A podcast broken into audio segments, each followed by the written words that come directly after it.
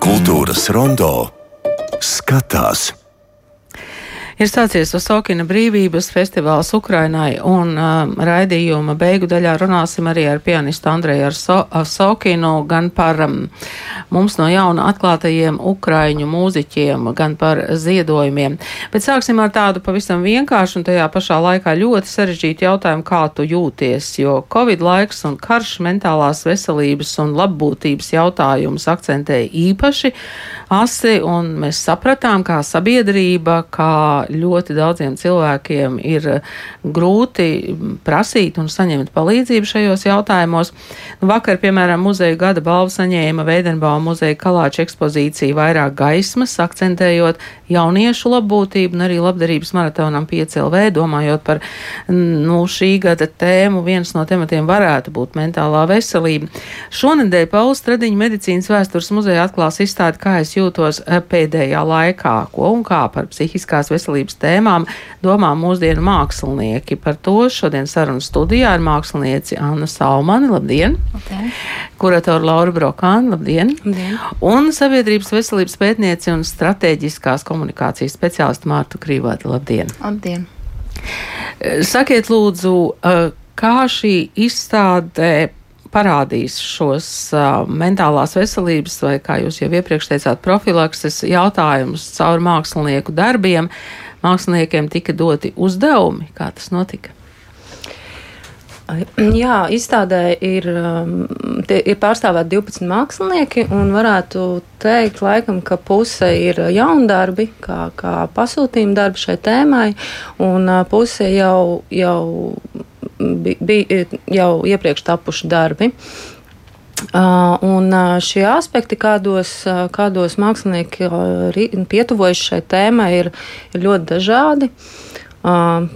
Tad tā ir gan, gan personīga, tāda savas, savas slimības un pārdzīvojuma tāda dokumentācija un, un dom, domāšana par, par to, kā ir noticis šīs ceļš uz dziedināšanu, gan arī pār, pārdzīvojums zaudējot savu tuvinieku um, kas ir uh, cietis no, no psihiskās veselības uh, problēmām, um, gan arī uh, tādā profilakses, uh, profilakses uh, kontekstā, domājot par uh, dažādām pašpalīdzības tehnikām, domājot par jaunām socializēšanas formām, par, par, tādu, par tiem veidiem, kā, kā sev palīdzēt. Anna, kādā, kādā veidā jūs domājāt par šo izstādi un par šiem mentālās veselības jautājumiem? Mans darbs ir viens no tiem darbiem, kas ir uh, jau bija jau tapis, kad Laura man uzrunāja. Darbs ir jau gandrīz septiņus gadus vecs šķiet. Un līdz ar to man sanāca domāt retrospektīvi, bet uh, tas darbs ir uh, uh, iedvesmojis guvu no uh, trakās sievas bēniņos, kas ir uh, Džēnas ēras. Uh, uh, tātad nu, priet, priekštecē Mr. Rochester sieva, kas tika izolēta bēniņos un, un kā nosaukta par traku. Un tas, tad, kad es radīju šo darbu pirms septiņiem gadiem, es domāju par to, ko tas nozīmē, ja cilvēki ieslēdz istabā vienalga kādā um, cik labi mēs pirms tam jūtamies, kas ar to cilvēku notiek. Ja tas ir nedēļām, mēnešiem vai gadiem.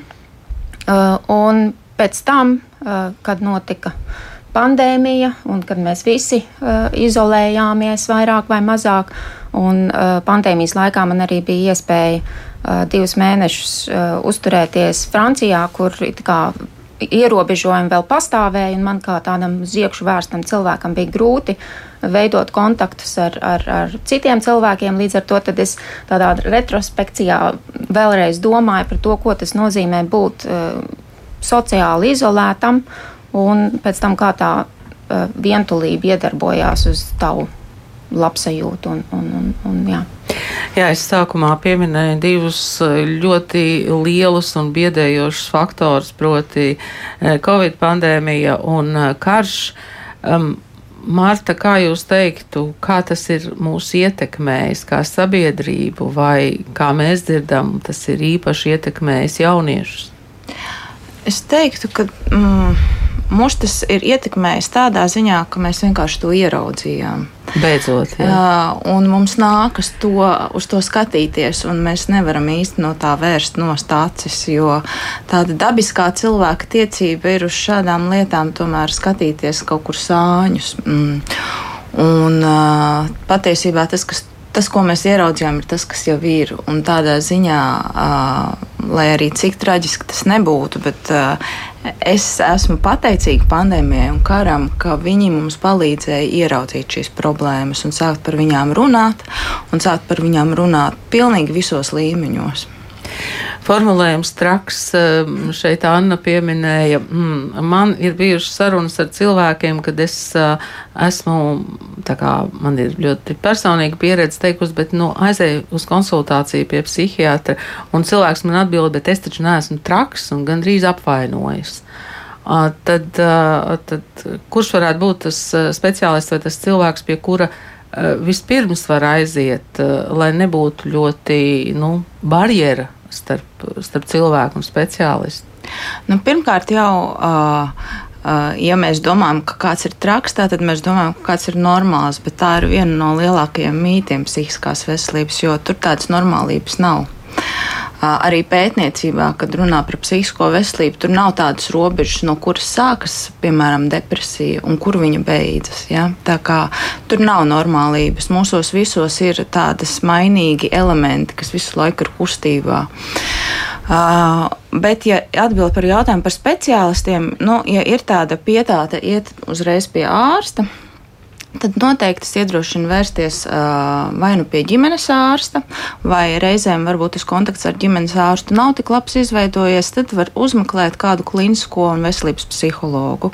Un šobrīd arī valsts piedāvā bez maksas uh, desmit konsultācijas, un tie ir speciālisti, kur patiesi var pateikt un palīdzēt no malas ar tādu skatu, vai varbūt šeit jau vajadzīga ir ārsta palīdzība, vai varbūt ir pašam vienkārši jāapgūst kaut kā, nu vienkārši tas ir ļoti sarežģīti apgūst kaut kādas jaunas prasmes, kā ar sevi, kā sevi dziedināt. Bet, jā, es droši vien ieteiktu vērsties pie psihologa.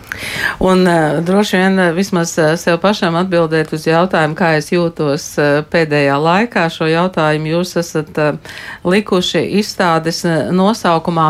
Laura, vai jūs varat mazliet paraksturot, kādos virzienos, kādās tehnikās, kādās vidēs tad ir domājuši mākslinieki?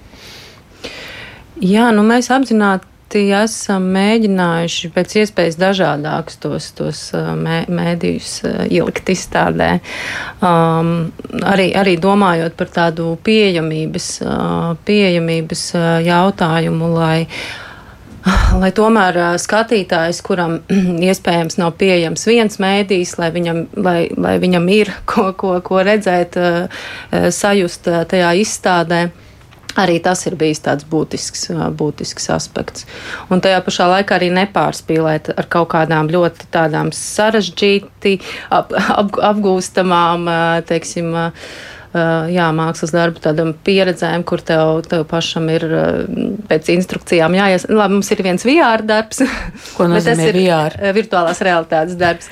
Bet tas ir tiešām ļoti, ļoti vienkārši lietojams Tā kā jā, es teiktu, viss vis, visdažādākie. Kādu auditoriju jūs eh, sagaidāt, kas atnāks, jo izstāde ir arī ļoti nopietna pavadoša programma ar nodarbībām un um, arī tādu ieskatu mākslas terapijas procesā diskusijām? Jā, ņemot vērā, ka, ka ļoti dažādi tie līmeņi ir parādās pašā izstādē, mēs sagaidām arī ļoti dažādu šo auditoriju. Māksla ir caur to tēlēnību un savām metaforām, man liekas, ir tāds ļoti labs veids, kādā sākt šo sarunu arī tiem cilvēkiem, kas varbūt um, baidās uh, no tādas tiešas, tiešas valodas, no tādas tiešas ieskatīšanās savās sajūtās, un ka tas var būt tāds mazliet drošs, distancēts tilts, uh, kas, kas uh, aizved uz to sarunu ar sevi. Uh, līdz ar to Protams, ka tie ir tie, kas gan varbūt šaubās par to, kā viņi jūtās šobrīd, gan, gan arī tie, kas um, vienkārši var gūt labas mākslas pieredzi. Bet um, bailēm nākot uz izstādi nevajadzētu būt nekādām. Pat ja tās būs, es ceru, ka caur šo tālēno valodu tās tiks pārvarētas. Anna, vai jūs kā mākslinieca arī būsiet klāt kādā brīdī izstādē? Nav vēl zināms, nav noskaidrots. Jā, jā? Zināms. Nav noskaidrots. Anna noteikti būs atklāšanā. Jā, atklāšanā, jā, 26. Jā, 26. mājas. 25. 25. atklāšana, bet no 26. Jā. māja tad izra, izstāde es teicu, izrādi, bet tur būs arī performance. Tā tad būs pieejama um, skatītājiem. Mm, Marta, ko jūs sagaidāt? Kas varētu būt šīs izstādes um, nu, pienesums mūsu mentālajai veselībai? Ko ir iespējams izdarīt caur mākslas darbiem? Caur mākslas darbiem ir iespējams izdarīt kaut ko ārkārtīgi būtisku, ko nevienmēr veselības sistēma var izdarīt. Tas ir tas, ko Laura minēja, šī tāda. Mm, diezgan smalka, trausla, delikāta, delikāts mēdījis un veids, kā pašam ar sevi um, sazināties, kā sajust saikni pašam ar sevi. Jo tas ir, nu, tas ir būtisks sākums, lai vispār meklētu kaut kur ceļu uh, uz labāku veselību, labāku labbūtību. Un, uh, patiesībā tā saikne ar sevi ir ārkārtīgi grūti mūsdienās reizēm cilvēkiem nākas nodibināt, jo tas nav vienkārši. Un māksla caur dažādiem tiem mēdījiem, varbūt vienu uzrunā tas, citu tas, reizēm mēs pat nezinām, kāpēc šis darbs mani pēkšņi tik ļoti kaut kā tā ievibrēja. Bet uh, es aicinu cilvēkus pakavēties pie tā darba, kas viņā ievibrē, un padomāt, kāpēc kas, un nevis to tā intelektualizēt un prātuļot, nu, kas te ir tāds kvalitatīvs vai augstvērtīgs, bet kas tieši manī ievibrēja, kā, kā, kā es jūtos ar šo darbu. Un tas jau ir tāds labs sākums, lai sāktu nodibināt to saikni ar sevi. Tas nozīmē, ka sajūtām būs ļoti būtiska nozīme šajā izstādē mūsu katra individuālajām personiskajām sajūtām. Jā, mūsu sajūtām, bet eh, kas nav, kas eh, nav mazsvarīgi.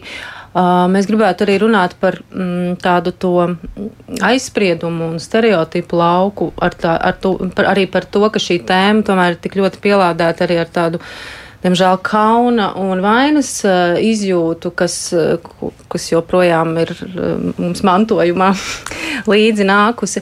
Un, jā, nu skatīties arī tā, tā plašāk, plašāk uz to. Protams, ka tie ir individuāli autoru stāsti, caur ko tas tiek stāstīts, bet tam ir arī tāds, tāds plašāks konteksts.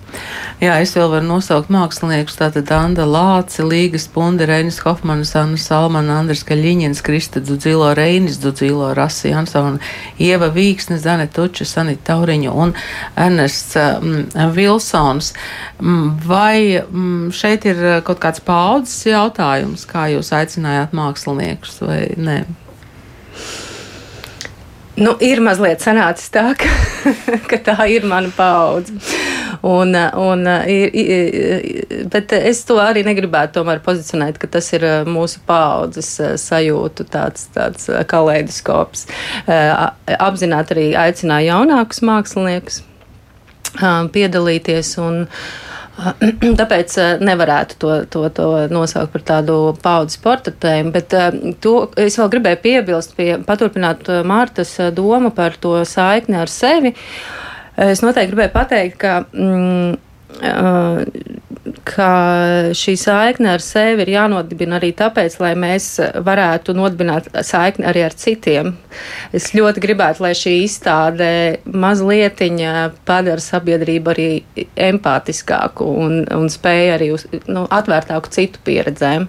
Tāpēc nu, tā, tā iekšu pērstība nav, tik, nav tikai tāds ego, ego trips, bet, bet uh, skaidrs, ka tad, kad tu apzinājies savas uh, izjūtas, tu sāc saprast, kas notiek arī ar citiem. Līdz ar to tas eh, būtu ļoti jauki, ja tāds tas turpinājums būtu. Eh, Anna, Marta, vai jūs arī mm, ik pa laikam sev uzdodat jautājumu, kā es jūtos pēdējā laikā vai kā es jūtos šodien? Es sev to ik pa laikam uzdodu, un ja es kādu brīdi kavējos, tad mana terapeite parasti man kaitinoši uzdod šo jautājumu. un tad nāks atbildēt. Un tad, un tad nāks atbildēt, jo joprojām arī pēc vairākiem gadiem man visērtāk ir atbildēt ar labi vai slikti, un, protams, ka šo atbildi nekad nepieņem. Anna, jūs arī sev atbildat labi vai slikti? Es pēdējā laikā baidos pat sev prasīt, jo ir tik daudz uh, visādu notikumu ārējo notikuši, kas ietekmē uh, to pašsajūtu, ka jā, brīžiem pat ir bail sev paprasīt, bet nu, tas ir arī vienlaicīgi izaicinājums, protams, uh, vairāk rūpēties par sevi un, un, un atrast veidu, kā neignorējot visas tās trakās lietas un šausmīgās, kas notiek, tomēr arī uh, parūpēties par sevi un kaut kā turpināt. Paldies jums šodien par sarunu. Šeit studijā bija Anna Salmana, Laura Brokāna un Mārta Krivada. Mēs runājām par izstādi, kura būs skatām Paula Stradiņa medicīnas vēstures muzejā, kā es jūtos pēdējā laikā. Varat klausīties arī manas kolēģis Ants Buševits redzījuma augstāk par eh, zemi un mums X-svētdienas podkāsts, vai tas ir normāli ar Kristiānu Lapiņu arī droši vien ir šajā tēmā, bet eh, ja jau jūs pieminējāt ārējos apstākļus un arī to, kā tas ietekmē māksliniekus, tad par to būs mūsu turpmākā saruna ar pianistu Andreju Saukinu, kurš um, veido Saukinu brīvības uh, festivālu Ukrainai un atklāja mums Ukraiņu māksliniekus arī.